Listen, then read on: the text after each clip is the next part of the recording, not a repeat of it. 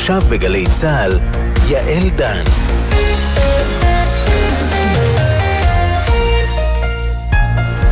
מלחמה במזרח אירופה, גלי צה"ל ביום שידורי מיוחד.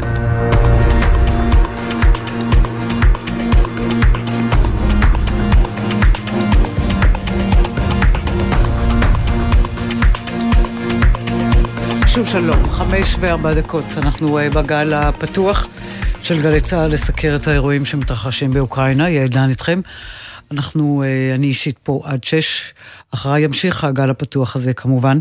ואנחנו שומעים אה, בשעות האלה עדכונים כל הזמן על משהו שלכאורה מתרחש אה, רחוק מכאן, על אדמת אירופה, מזרח אירופה.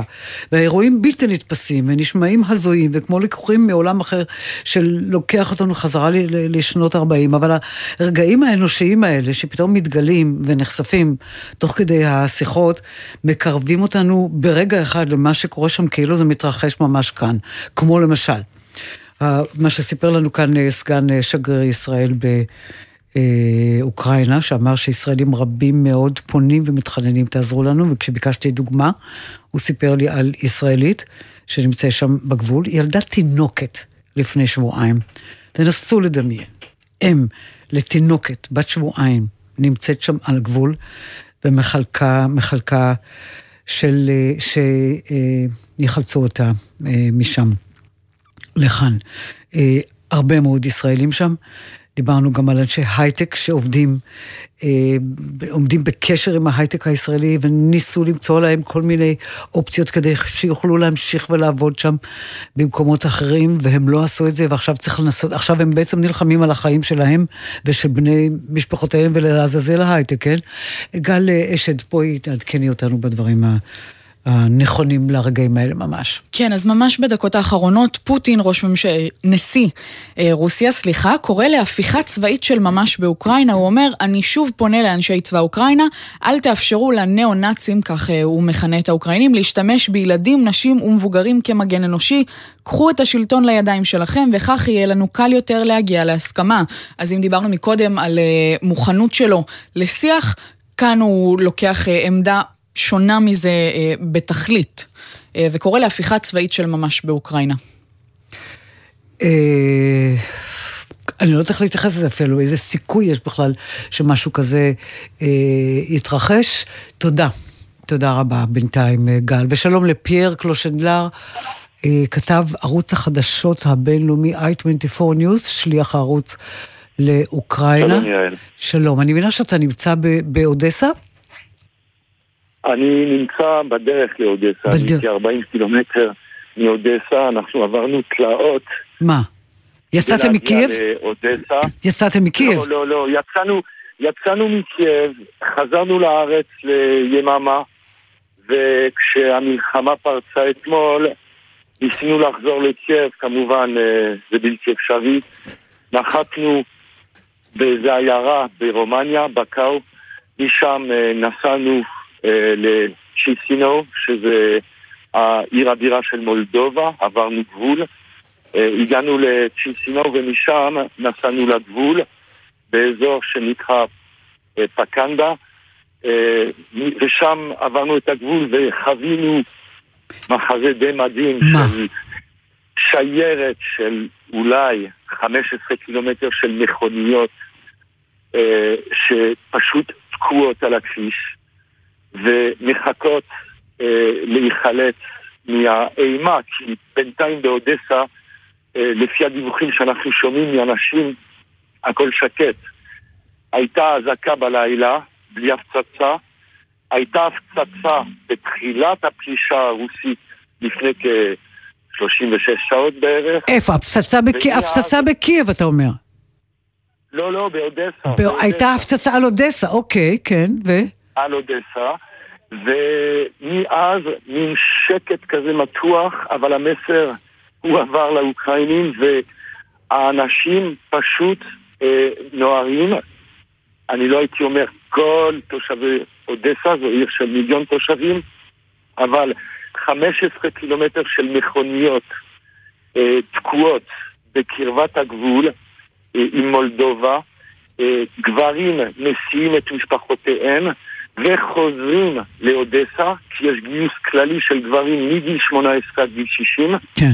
ובנוסף מדברים כבר על גיוס של אנשים, ש... על, על גברים שהם מעל גיל 60. כלומר, יש מצב של חירום כמובן, אבל גם במולדובה אגב, יש מצב חירום. ו...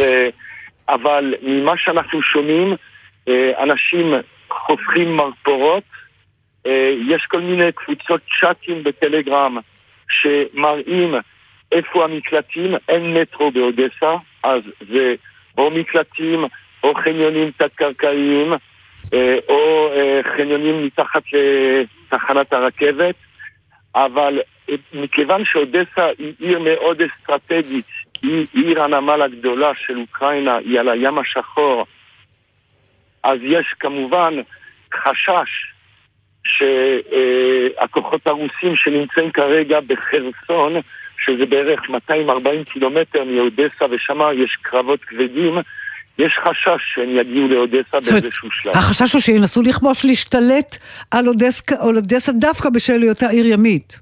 נמל ימית, ימ...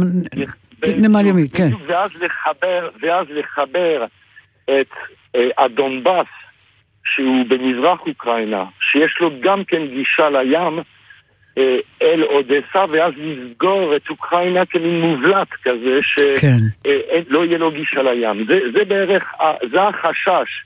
עכשיו, החשש הזה, בשטח לא, את לא רואה אותו. אני לא ראיתי חיילים, לאורך כל הדרך ראיתי שתי עמדות של חיילים, שני חיילים עם שק יכול, בעצם הם לא חיילים, הם משמר. מה לא ראית? לא ראית חיילים אוקראינים, אתה אומר. לא ראית חיילים אוקראינים. ממש לא, לא, לא, לא ראיתי שום חייל אוקראיני, לא ראיתי שריוניות אוקראיניות. אומרים שבאודסה מתחילים לזרום שריוניות אוקראיניות ומתחילים אה, להכין את ההגנה על העיר. אנחנו שומעים שאנשים חופרים מחפורות על מנת להגן, אבל אנחנו לא רואים אה, בדרך לפחות שום תכונה של מצב חירום, זה פשוט מדהים. זה לא. מין... כן, אז זה, זה מעניין נורא מה שאתה אומר, כי קודם, אה, קודם כל, אתה מתאר מציאות שבה אוקראינה מתמסרת בלי, בלי, בלי כלום, היא אפילו לא, לא מחזירה מלחמה.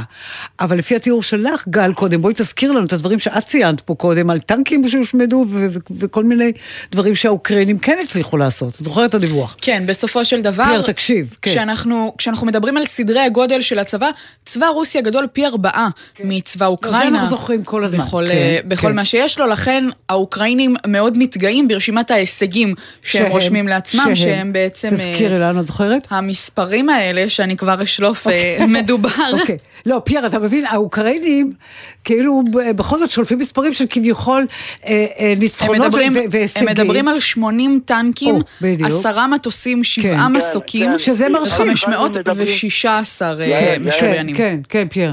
כן. יעל, האוקראינים מדברים על אלף חיילים רוסים הרוגים. שזה... אז אבל מה... אני לא יודע... אבל אני לא יודע אם זה נכון. אתה מפקפק בזה? אתה חושב ש... שזה צריך לפקפק בהם? אני לא יודע, אני... לא, אני לא יודע, אבל זה יכול להיות שזה חלק מהפרופגנדה, כדי אולי להרתיע את הרוסים מלהילחם. אני לא כן, יודע. כן. אנחנו אף פעם לא יודעים של מי הפרופגנדה העוצמתית יותר, זו הרוסית או זו האוקראינית. יכול להיות שגם האוקראינים לא, לא, לומדים איזה שיעור. לא, כן, אבל יכול להיות שגם האוקראינים לומדים בינתיים משהו. הם כן. לומדים, הם לומדים, זה בטוח, אבל הם הרבה, לא, לא, הרוסים אלופים בפרופגנדה. ברור, ברור. עכשיו תקשיבי, מה שכן מדהים, זה המשמעת שקיימת באוקראינה, וזה לא רק פה באודסה, אני, לא, לא רק פה באזור אודסה, אני כן. ראיתי את זה גם כן בקייב לפני המלחמה. מה? אנשים סופר מאופקים, סופר מאופקים, ועם תחושת אחריות לאומית מדהימה. בגבול, בגבול, יש מאות אם לא אלפים של אנשים, oh. נשים עם צלוקות, ואין דחיפה. אז, אז זה אני רוצה לשאול אותך, איך, איך? יש שקט מוחלט. לא יאומן, אתה יודע, אני, זה, טוב שאני שומעת את זה מפיך, כי, כי אני כל הזמן מתרשמת מזה שיש אלפי אנשים שמתגודדים שם על הגבול, תורים של 15 קילומטר, חלקם הגדול גם אנשים הולכים אותם ברגל, ואתה אומר, הם עושים את כל זה באיפוק?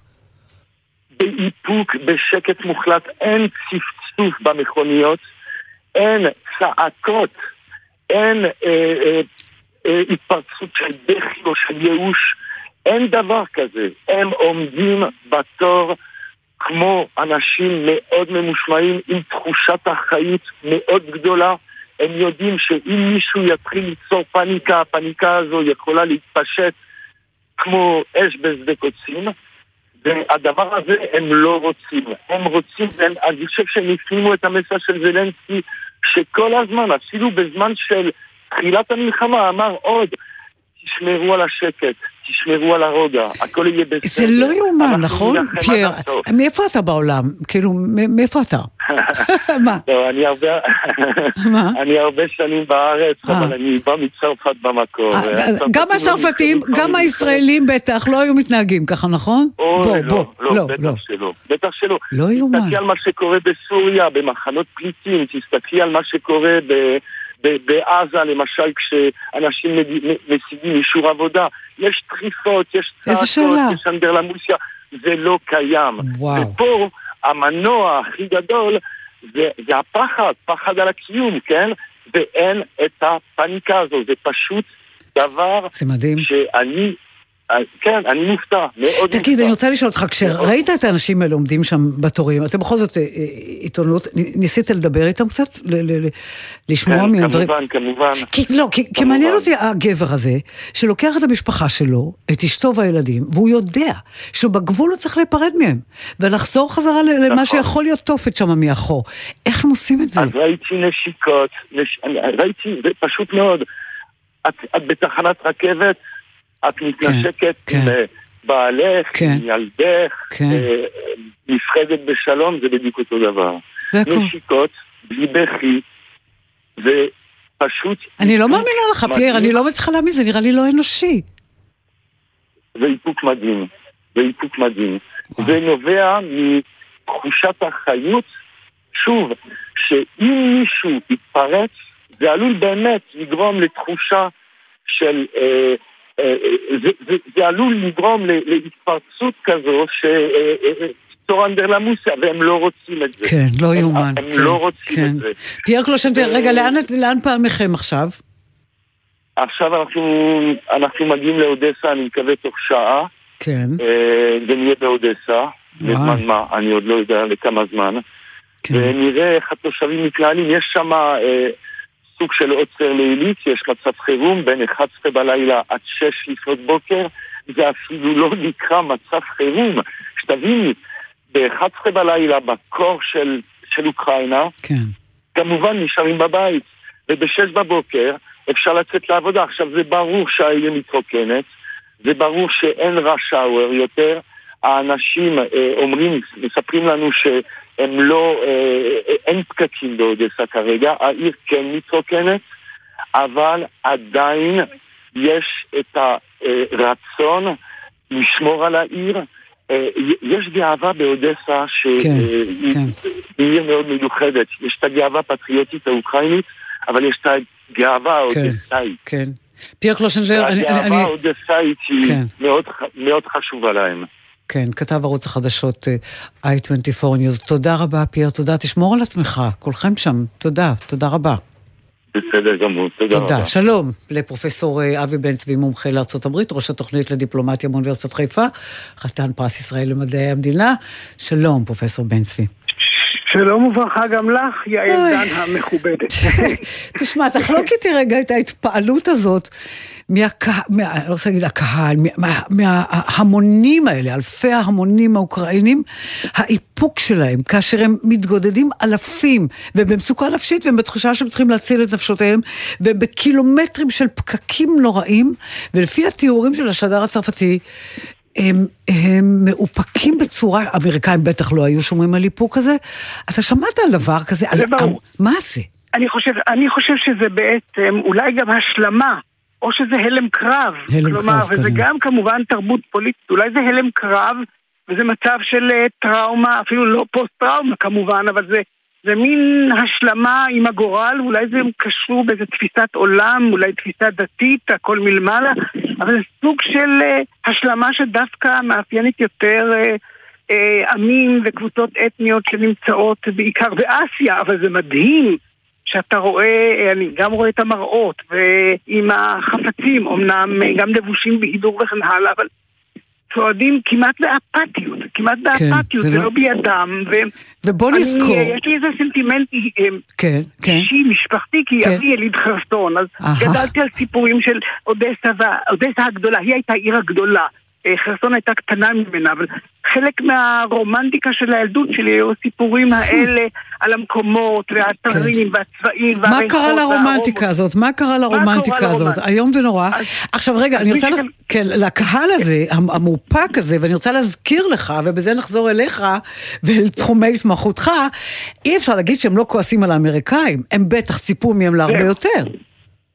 זה ברור, וכאן אני חושב אנחנו עדים באמת לזעזוע טקטוני, ב, נקרא לזה בארכיטקטורה הבינלאומית, בסדר הבינלאומי הקיים, העידן של מעצמת על הגמונית, של גוליבר השולט, הוא נמצא לא רק בדעיכה, היום אני חושב שהוא נמצא בקריסה מוחלטת, משום שלא רק הציפיות, אמריקה, ואפשר רק לראות את הנשיא ביידן שמגלם את זה בצורה אולי צלולה וכבישית.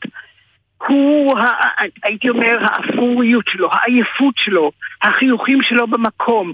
אז יכול להיות שהוא מדבר בצורה תקיפה, אבל זה שהוא לא ניסה להרתיע בכלל את פוטין לפני שהוא איזה. תקיפה, הוא כמעט דקלם את הטקסט אתמול, זה היה כמו נאום. מדוקלם, חסר אמוציות לחלוטין. מנומנם, וגם הייתי אומר סטרילי, צמחוני. אתה יודע, כן. אני רואה את האייט האמריקני.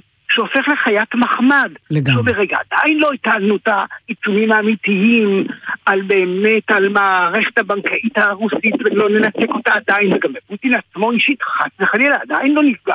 אנחנו הולכים בשלבים, בצורה אינקרמנטלית, אט אט שכל אוקראינה תעלה באש. אבל כמובן, ברגע שהוא אומר, אנחנו לא שולחים חיילים. אז מראש הוא כבר סוגר לעצמו אופציות, למרות שזה לא סביר שהיום... אבל אולי זה. הגון מצידו, אולי זה הגון מצידו, לא, לא להכניס פה אף אחד לאשליות. אבל- היה לנו מספיק אפגניסטן, היה לנו מספיק פה ושם, לא רוצים את זה יותר, זה לא, נכון. אנחנו, לא, לא, זהו, העידן הזה נגמר. אבל, אבל בכל זאת, אבל יש, יש אחריות למעצמה על לשדר איזושהי נחישות. אני לא מציע שהם ייכנסו כרגע למלחמה, אבל בהתחלה זה משבר. כאשר הנשיא ביידן מכריז, הוא אומר, אם תהיה פלישה קטנה, קטנטונת, התגובה תהיה מידתית. בעצם נותן אור, אור אה, צהוב, אור ירוק לפלישה. אם תהיה פלישה רבנית, אז נגיד... רגע, מה אנחנו רואים כרגע? אז מה, מה אנחנו רואים כרגע? זה מידתי או לא? זה מתון או לא? איזה מידתי, זה מידתי? זה, כן? זה, זה, זה הסלים, אה, ממש מידתי. זה היום על כל הקופה, אה, קייב עולה באש. אז עצם העובדה שהוא לא ניסה עם המנופים הכלכליים ש- ש- שעוד טראמפ יש לו. הפעיל כלפי איראן, אמנם לא בהצלחה.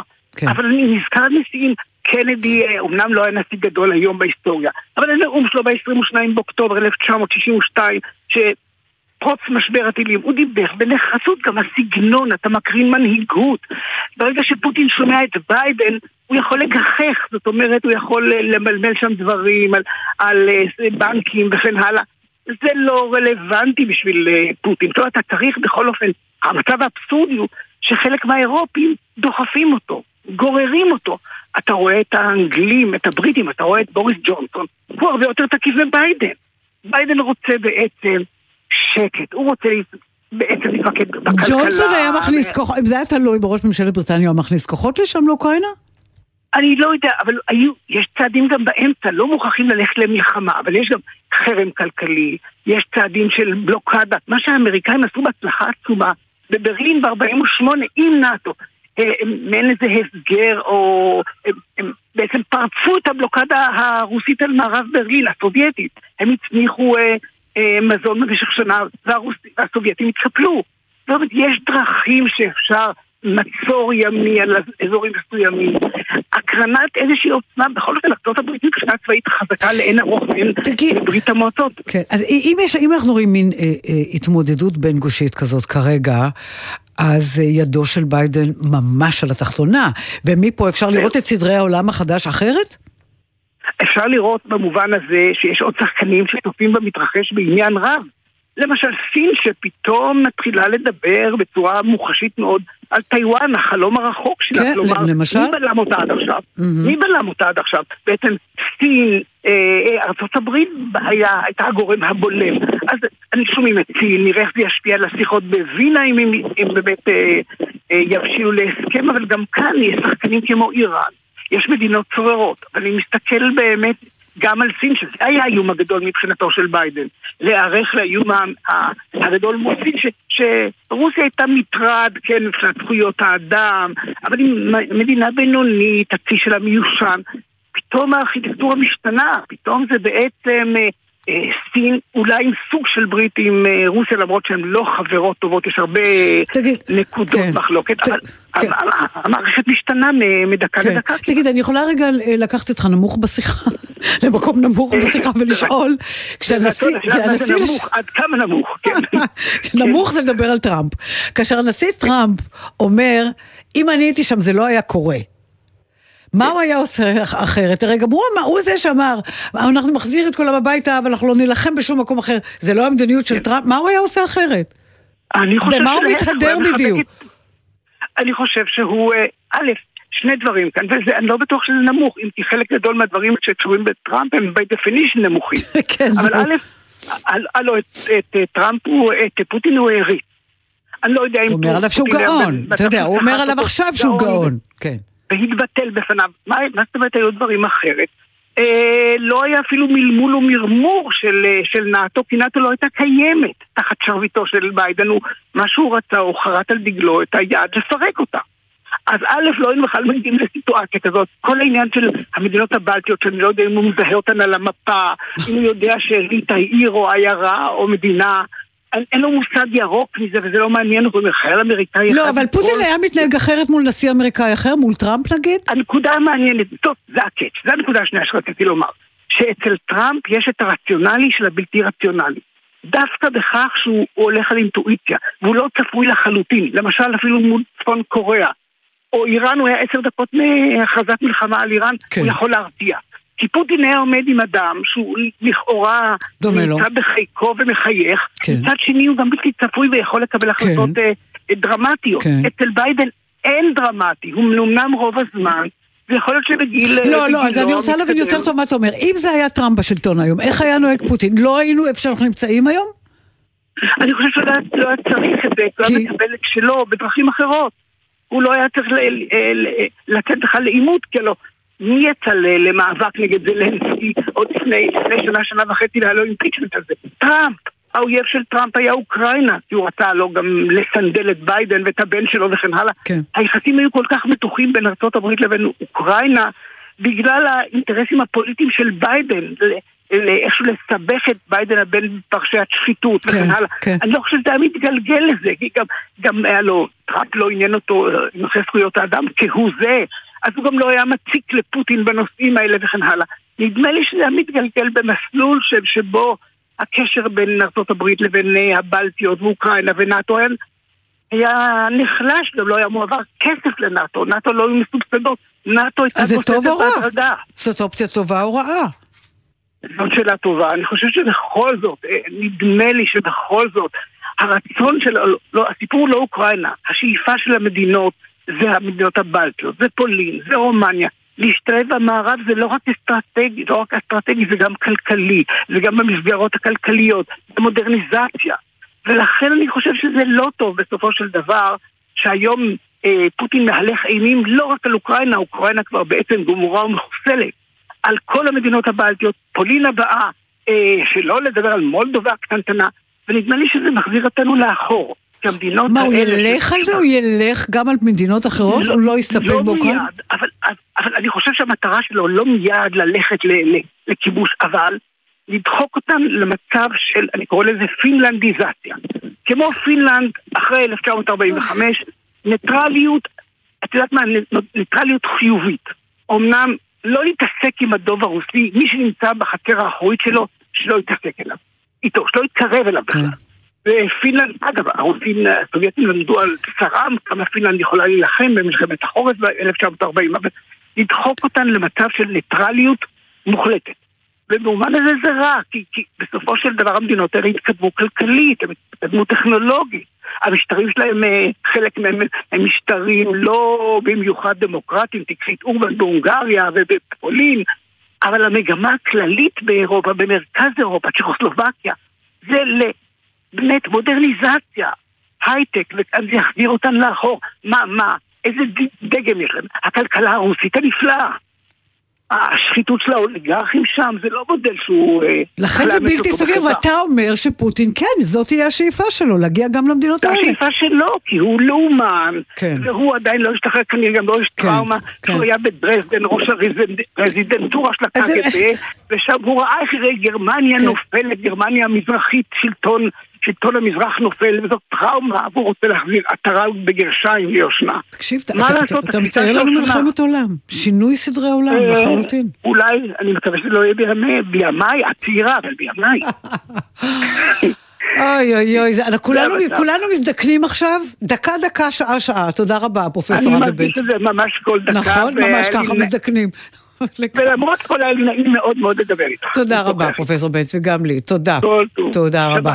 אה, עדכון של משרד החוץ, מוריה אסרה וולברג, כתבתנו המדינית. שלום, אה, מוריה. שלום, יעל. כן, אז אנחנו עם עדכון לישראלים שמאזינים לנו ונמצאים אה, בקייב ולבני משפחותיהם. לפי מידע שהתקבל בשגרירות ישראל באוקראינה, חברות של רכבות של אוקראינה מתחילות להפעיל רכבות מיוחדות מקייב ללבוב בשעות הקרובות. השעה המתוכננת לרכבת הבאה זה שעה שש, אין צורך לקנות uh, כרטיס, כך מודיעים uh, במשרד החוץ. נשים וילדים הם כמובן בעדיפות uh, ראשונה לעלייה לרכבות הללו וממשלת ישראל, מדינת ישראל ממשיכה לקרוא לאזרחים הישראלים שנמצאים באוקראינה להגיע כמה שיותר מהר למעברי הגבול ומי שנמצא בקייב לצאת משם, להגיע ללבוב, נזכיר זה אומר להתקרב גם להיכן שנמצאים הדיפלומטים הישראלים, להתקרב גם לגבול לפולין, ולכן ישראלים שמאזינים לנו כעת ונמצאים בקייב ורוצים לצאת מהעיר, זה הזמן להגיע לכיוון הרכבות המיוחדות הללו שמפעילים מקייב ללבוב.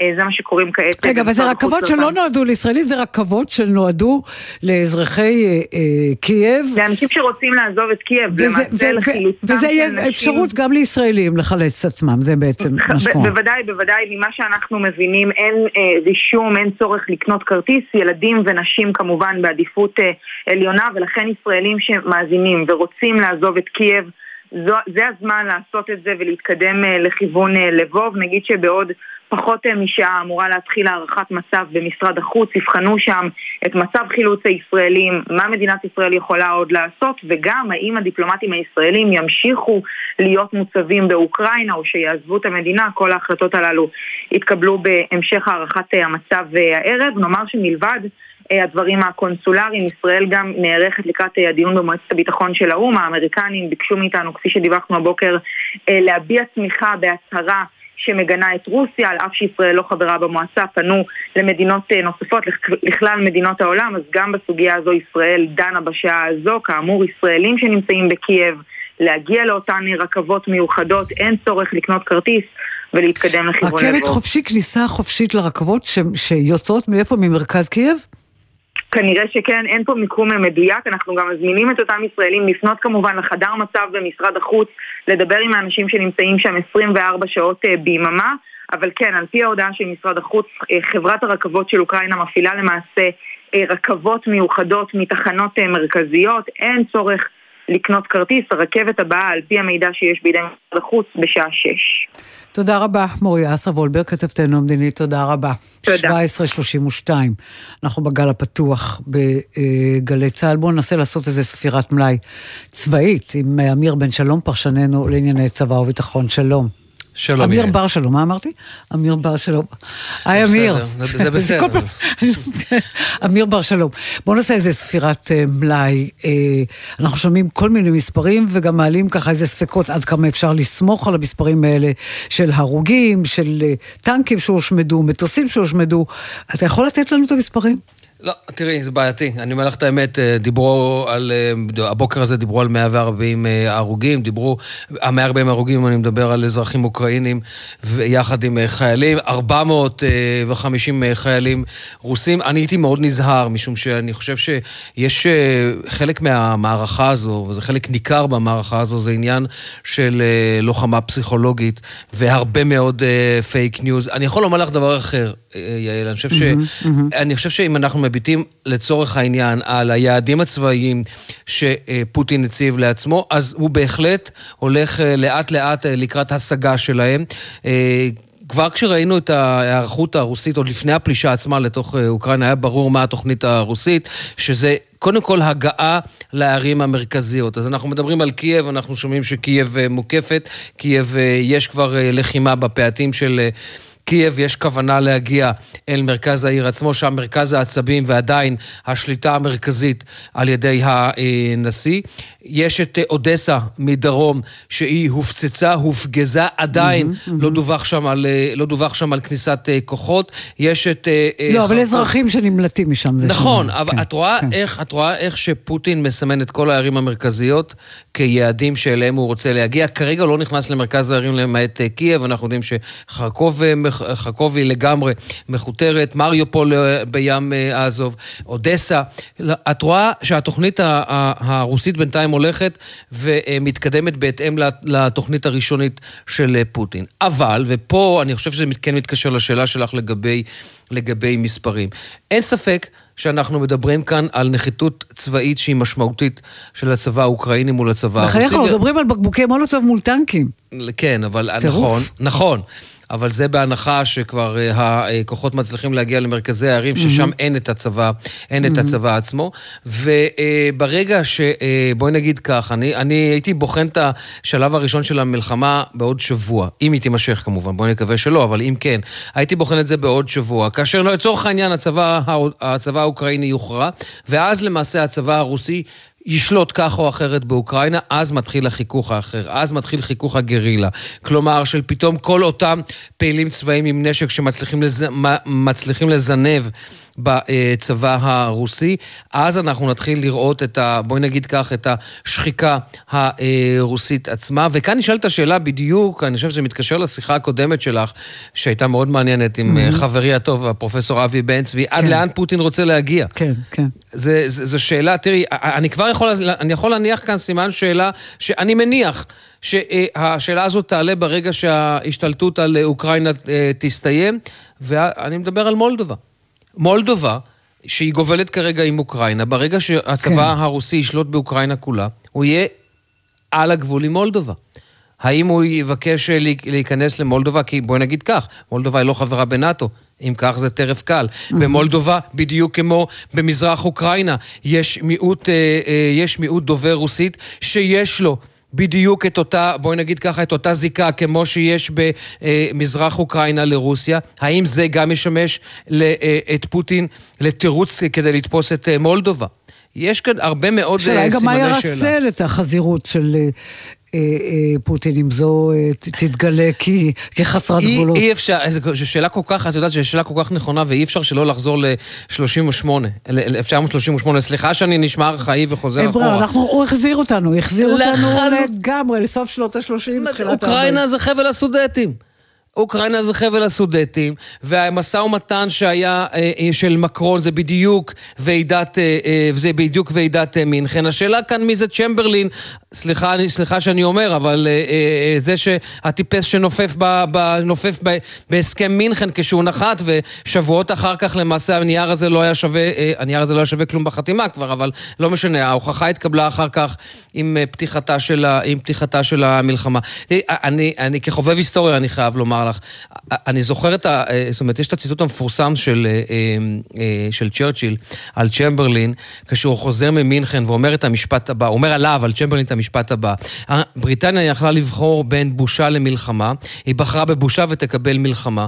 עכשיו, קחי את המשפט הזה, ובואו נלך, נלך אחורה ונראה האם כל המשא ומתן הזה עם פוטין שהיה, עם מקרון, עם ה...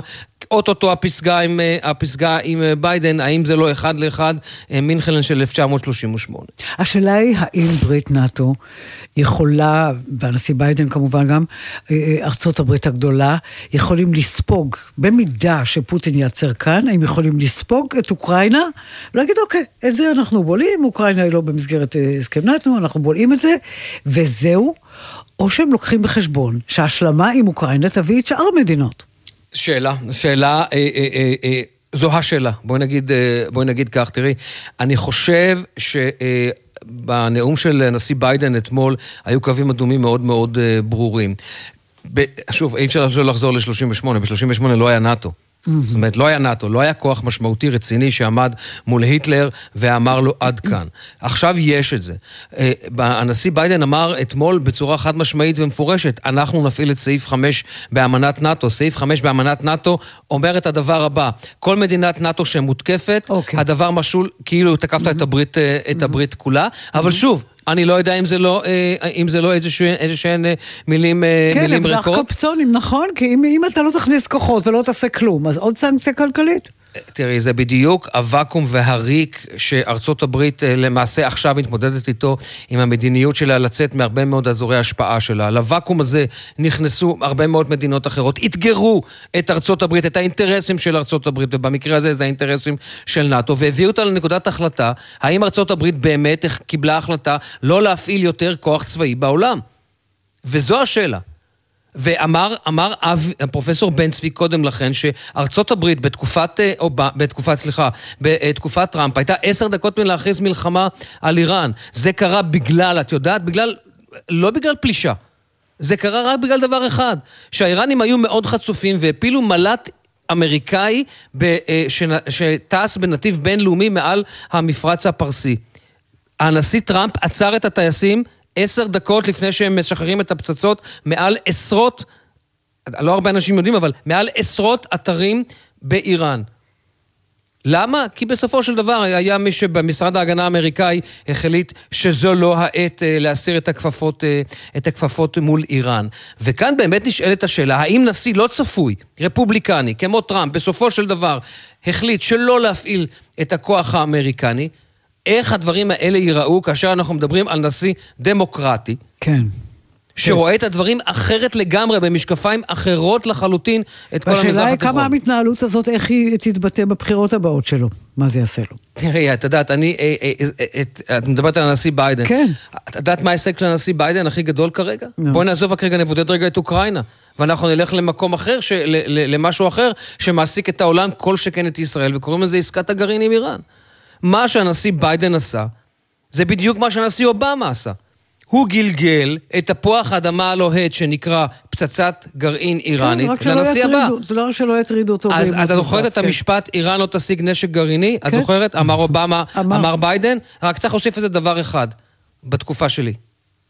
כן, הוא מגלגל את זה הלאה, זה ברור שבמשמרת שלו זה לא יקרה, גם לא יהיה שום עימות במשמרת שלו, והשאלה מה יקרה בעולם במשמרת הבאה. תודה רבה, אמיר בר שלום, פרשננו לענייני צבא וביטחון. תודה, תודה, תודה רבה. שלום. עדכון שלך, קהל אשד. כן, אז יש לנו אה, חדש בכמה וכמה תחומים. כשאנחנו מדברים על אה, אותן שיחות שפוטין דיבר עליהן במינסק, הקרמלין נשאו אה, הצהרה לפני כמה דקות. פוטין, לפי אותה הצהרה, פנה פנה לנשיא בלרוס לוקשנקו כדי לארגן את השיחות במינסק. זלנסקי אה, מאוקראינה הציע לקיים אותן בוורשה במקום, ומאז, אה, לפי הקרמלין, האוקראינים ניתקו כל קשר אה, בנושא. ככה שבקטע הזה אין כל כך התקדמות. עוד בהודעת הקרמלין, הם מגנים את הלאומנים האוקראינים שלדבריהם הם מיקמו את משגרי הטילים שלהם בלב אזורי מגורים, כך שאם הם יתקפו, הם יפגעו בעורף. במקרה הזה, העוצר בלבוב שדנו עליו הוכרז מ-10 בלילה עד 6 בבוקר, הלילה הזה. אמ, למרות שהעיר עוד לא הותקפה, רק מתכוננים לאפשרות. נכון. זה הכל, הכל מדובר בצעדי מנע, כן, בסופו כן. של דבר. Mm-hmm. ארצות הברית הכריזה שהיא תיתן 600 מיליון דולר נוספים לאוקראינה לרכישת נשק כדי להגן על עצמה. בנוסף, בארצות הברית ממעיטים אה, או נותנים תרחיש אופטימי יותר בהתקדמות של אה, רוסיה. הם אומרים ש... ההתקדמות לעבר קייב איטית יותר ממה שהרוסים ציפו, ומרבית הכוחות עדיין נמצאים יותר מ-50 קילומטרים ממרכז העיר. זאת אומרת, הכוחות שבאמת חדרו לתוך העיר הם מועטים יחסית. אלה אוקיי. הערכות, אבל יעל, יש... אנחנו מדברים על קייב, כן? הכוחות אנחנו הם לא בתוך... על... את יודעת, יש פה, יש פה על אחד המסכים, אנחנו רואים את, את הכיכר המרכזית בקייב, היא ריקה. לא הגיעו נכון לשם מאוד. טנקים, לא הגיעו לשם כוחות. לא מדויק. כן הגיעו כוחות לתוך קייב, אנחנו עכשיו, אה, אני אשמיע לך קולות שממש היום שמענו אה, ככה בתוך קייב, אנחנו שומעים די פיצוצים. כן, אבל זה לא במרכז העיר ממש, נכון? אני מבינה נכון. אלה כן, אותן. הפגזות. כן, אוקיי. אבל זה לא במרכז העיר. הם אה, למעשה ממש אה, מקללים פה. אה, הרוסים? את הרוסים. אה, אוקיי. האוקראינים ששומעים נכון, את הקולות. מדובר, מדובר בהפגזות בקייב, ממש אלה אזרחים שזה פגע לידם. אותם הפגזות, פיצוצים, יריות, כן. אז כן יש לחימה במרכז העיר. כן, אוקיי. טוב, יש איתנו ישראלי, ראי שרקי, נכון? אה, אנחנו לא יודעים עליו הרבה, תכף אה, נלמד עליו קצת יותר. תודה בינתיים, גל. ראי שרקי, שלום. אהלן יעל, שבת שלום אה, מאוקראינה. שב- שבת שלום באוקראינה? מה קורה? כן, שבת, מה קורה? מה, מה, מה, מה קורה? לא, בוא נתחיל ככה, תגיד לי קצת עליך. אתה ישראלי שחי שם, או נקלע לשם, או מה? אז לא, אני ישראלי שחי שם אה, בחצי שנה, שמונה חודשים האחרונים. מה אתה עושה שם? אה, בת- זוגי מקומית, ואני אה, עובד בתחום הסלולר שם. אהה, אוקיי. עכשיו, אני אישית, אנחנו, אני וזוגתי, גרים בעיר שנקראת בוירקה, במחוז קייב. אה, זה לא בעיר עצמה, בעיר, אלא בעיר לא סמוכה. בעיר עצמה. עיר בתוך המחוז, כן. עיר סמוכה ל- ל- ל- ל- לקייב, כן. אוקיי, נכון. היא סמוכה לקייב, אבל במובנים של אוקראינה זה בערך שעה מקייב, אבל היא נחשבת סמוכה. כן. אמ, אני אישית, אני וזוגתי אישית אה, די תקועים פה. מה זאת אומרת? כאילו, בעיר אה, קר- קרקעו את כל התחבורה הציבורית, אנחנו ללא רכב, כן. ואפילו להגיע לקייב כדי מקייב להתחלץ, להתחלץ לכיוון אה, הגבול אה, בלבו, לבו ולכיוון הגבול בפולין, רק כדי להגיע לקייב אין לנו כל כך איך. אה, מוניות הפסיקו לעבוד. כמו שאמרתי, אין תחבורה ציבורית, לא רכבות. רכבות יצאו, אם אני מבינה נכון, וזה בדיוק מה שמשרד החוץ פרסם עכשיו, שממחר יצאו רכבות מקייב, ואנשים מוזמנים לעלות על הרכבות האלה, זה אפילו לא יעלה כסף. זאת אומרת, כל מה שאתה צריך זה להגיע עד מחר בבוקר לקייב, כדי שתוכל לעלות על הרכבת, כן? אתה אומר שאין לך שום אפשרות? אתה יודע, טרמפים, שכנים, משהו? או שאין דבר כזה שם באוקראינה? אה, אנחנו, יש אה, קצת מכרים, אנחנו די חדשים בעיר הזאת, כן. יותר מדי אנשים, משפחה בכלל לא. אה, יש כל מיני אופציות, אה, מדי פעם איזה מישהו מפרסם בקבוצת וואטסאפ של השכונה כזאת, שהוא נוסע לכיוון. כן, כאילו. או, או, יכולים ככה למשל, נכון. לאט לאט. נכון, לתפוס איזה טרמפ. זאת אומרת, ברור לך שאתם לא נשארים שם. אז זהו, שעכשיו ברור, לוקח לי קצת זמן, לקח לי קצת זמן לשכנע את האישה, כי לעזוב את אוקראינה לא קל לה, אבל ברור לי שאנחנו לא נישאר שם, רק אה, לא יודע כמה זמן זה ייקח. תגיד, למה בעצם זה מתברר לך רק עכשיו? זאת אומרת, בוא, חיכיתם עד הרגע האחרון, למה בעצם? אה, נכון, אני לא אשקר, היינו, היינו נאיבים בעיקר מ- מדיווחים מקומיים שאף אחד לא באמת האמין שזה יגיע לקנה מידה כזה, חשבנו אולי במזרח המדינה, אולי פה טיל שם, טיל פה, לא, לא משהו שחשבנו שהוא, שהוא יתפתח לזה. אני אגיד לך, עליי אישית, ביום רביעי, ערב לפני המלחמה, עוד נסעתי, עוד עבדתי בקייב, נסעתי לסידורים, הכל רגיל, לא ראו שום, שום סימן.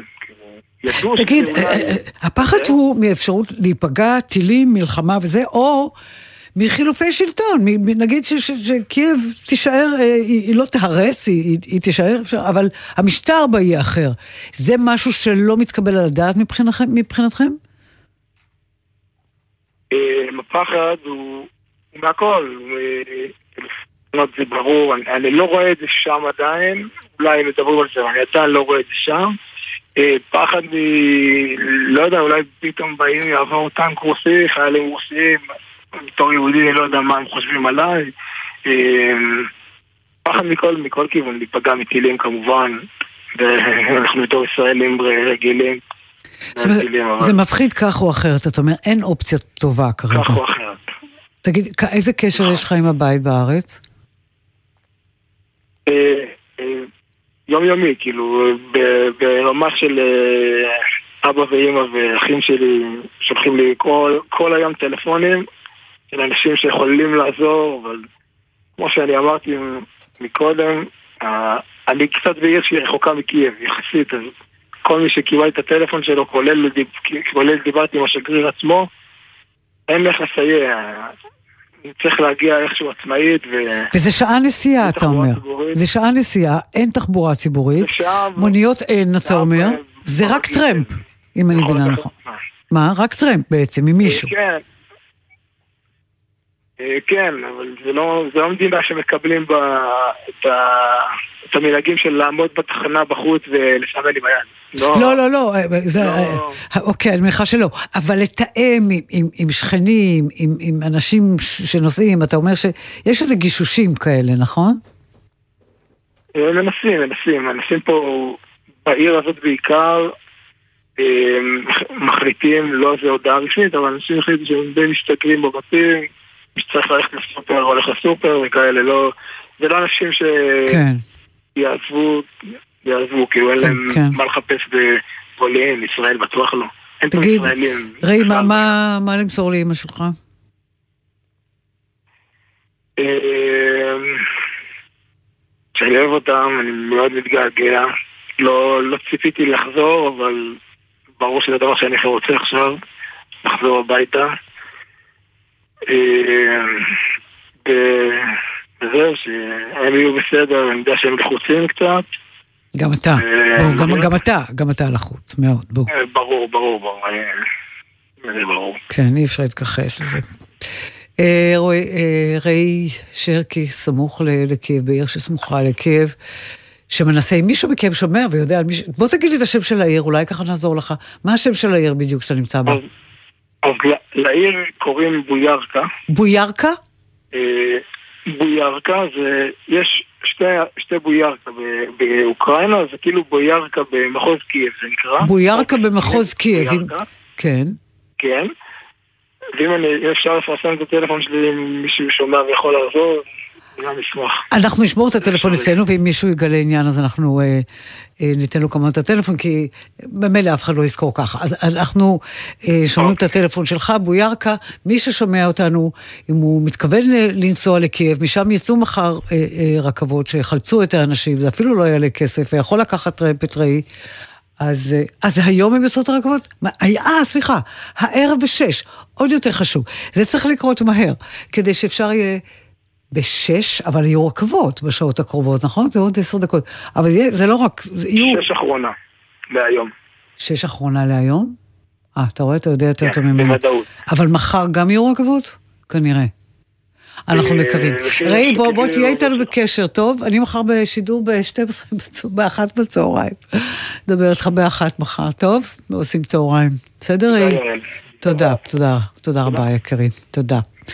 נדב אה, מנסדורף הוא מייסד ומנכ"ל חברת היי הופס, שמפתחת טכנולוגיה למלחמה במשבר האקלים. למה אני צריכה להיות מוטרדת עכשיו ממשבר האקלים? אה, שלום, נדב מנסדורף. שלום, שלום. תענה לי על אה, השאלה, למה אני צריכה להיות. מוטרדת? הכל כל כך מטריד אותי, עכשיו משבר האקלים על הראש, עכשיו תסביר לי למה זה חשוב. תראי, יש פה, יש פה אלמנטים שאנחנו מדברים על, ה, על הפלישה של רוסיה לאוקראינה ואת כל המורכבות שאני קטונתי אפילו מלדבר על זה, יש מומחים שמדברים על זה, אבל כן. יש לזה משמעויות מרחיקות לכת אוקיי, במאבק שהוא קריטי עכשיו בנושא של, של התחממות גלובלית. אוקיי, שדה פקטו זה משפיע על החיים שלנו, אה, על האיכות חיים שלנו ועל הבריאות שלנו ועל, ועל המשפחות שלנו והילדים שלנו, כן, מיידית בש, בטווח הקרוב, אוקיי. בחיינו עוד. אוקיי. אה, העולם מתחמם, העולם הוא כמו, כמו, העולם, העולם חולה, הטמפרטורה שלו עולה, הוא נהיה חולה, יש לו חום. העולם. העולם יש לו חום. עכשיו, איך מה שקורה עכשיו מעלה לעולם את החום? תראי, יש, יש פה שני רבדים. יש פה את הרובד הראשון, שהוא הטריוויאלי, אבל הוא, הוא חמור לא פחות, שבעצם מלחמה מייצרת טביעת פחמן יותר, אה, יותר קשה. כשאתה שורף אה, בתים, ואתה נלחם, ואתה מטוסים ופצצות, ויש לך טביעת פחמן אה, יותר גדולה. המשמעויות ש, שבעצם, אם, אם אמרנו שמדברים על 15-20 שנה שבו יהיה נקודת האל-חזור, אנחנו בעצם מצמצמים את ה... את, ה, את הטווח הזה לזמן יותר קרוב, וזה אומר שאנחנו נצטרך לפעול בצורה יותר אגרסיבית. אבל הבעיה היותר גדולה זה, זה הילדים שלנו. אם אנחנו מסתכלים על התהליך שעבר ממזכר אה, בודפסט שנחתם ב-94 שבו אוקראינה התפרקה מנשק גרעיני ואמרה שרוסיה וארצות הברית ישמרו עליה ואחרי זה נחתמה אמנת קיוטו והסכם פריז וכל מיני אמנות ועכשיו לפני חודשים ספורים, ממש לאחרונה, היה את הקופ אה, בגלסגו, את הכנס של ההתחממות הגלובלית. תחשבי על זה שבעצם מסתכלים על זה האנשים בעולם והדור הצעיר במיוחד ואומר, אנחנו ב-2022, אף הסכם שנחתם לא נשמע. ב-20 שנה האחרונות, לא שלא נשמע, הוא לא שווה את הדף שהוא נחתם עליו, אף אחד לא מתכוון לכבד אותם. ולמעשה, אנחנו מסתכלים כל הזמן, מדברים על אוקראינה ועל אגו והמון המון טסטוסטרון מטורף שמנותק, אבל בסוף אנשים צעירים מסתכלים ואומרים, אף אחד לא דואג לנו. אנחנו לא נוכל לחיות על הכדור הזה. אתה אומר, אם העולם לא יתגייס למען אוקראינה, איך הוא יתגייס למען משהו הרבה יותר אה, אמורפי, כמו, של, כמו אה, שלום האקלים?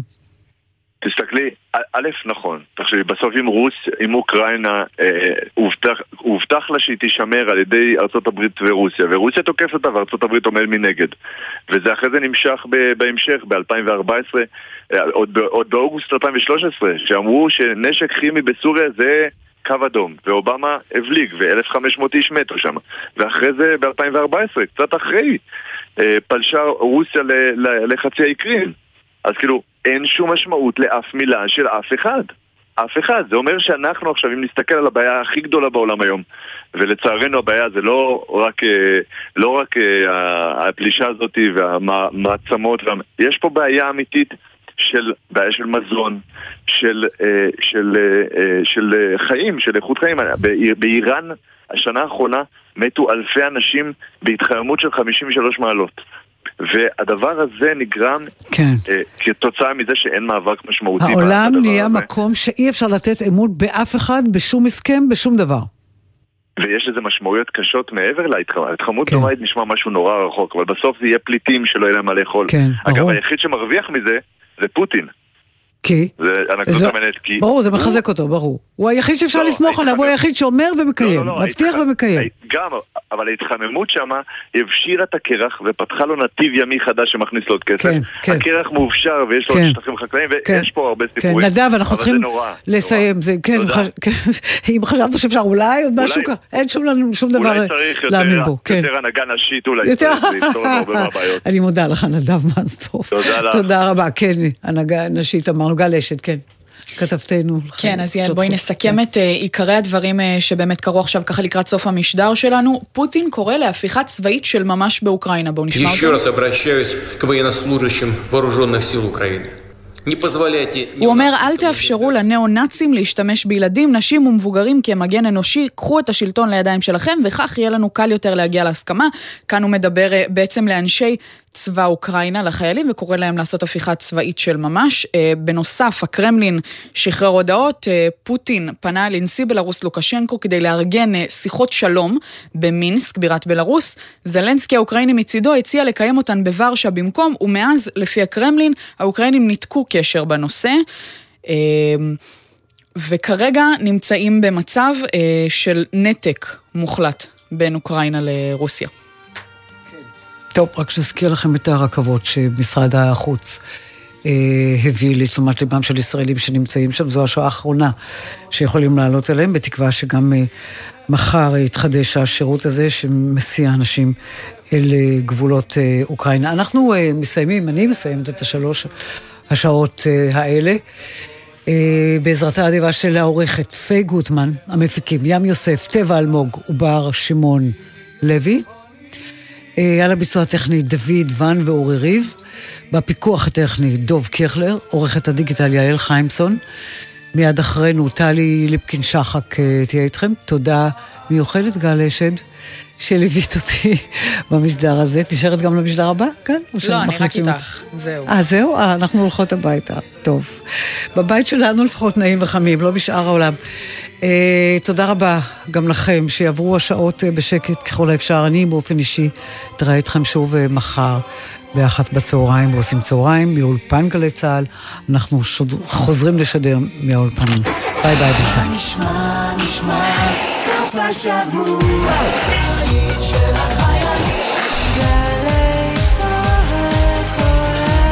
גלי צה"ל, יותר מ-70 שנות שידור ציבורי. יש אנשים שנטחנים באיטיות, באדישות ובחוסר הצדק של הבירוקרטיה הישראלית. ויש מי שפונים ל"יהיה בסדר". אתם נמצאים בשטח ועושים את מה שמישהו אחר אמור לעשות ולא עושה. בזכות היעילות שלכם והחריצות שלכם. בלעדיכם היינו מחכים עוד שנתיים. טיק טק נפתרה הבעיה. אני ממש מודה לכם. טרטרו אתכם, נפנפו אתכם, פגעו בזכויותיכם, פנו ל"יהיה בסדר", ויש מצב שיהיה בסדר. ראשון עד רביעי, שלוש בצהריים, גלי צה"ל. ציפורי לילה, מאחורי הקלעים. ענבל גזית ורותם בן חמו משוחחים עם האנשים שעשו את עולם התרבות והמוזיקה הישראלי, על ההחלטות, הסיכונים והסיפורים. והשבוע, הבמאי יצחק שאולי. חנה מרון עמדה מול מולי עם קשת, ומולי היה עם תפוח על הראש, ומישהו דפק בדלת, היא אמרה פתוח, ופתאום זה נראה לנו שאפשר לתת לה להגיד את זה עוד פעם ועוד פעם. מוצאי שבת בחצות, גלי צה"ל.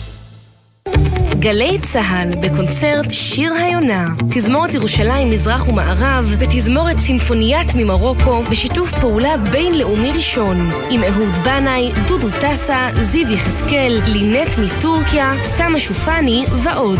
בניצוחו ובניהולו המוזיקלי של המאסטרו תום כהן. חמישי, שמונה בערב, במסגרת פסטיבל שיר היונה בפארק תמנע ובשידור חי בגלי צה"ל.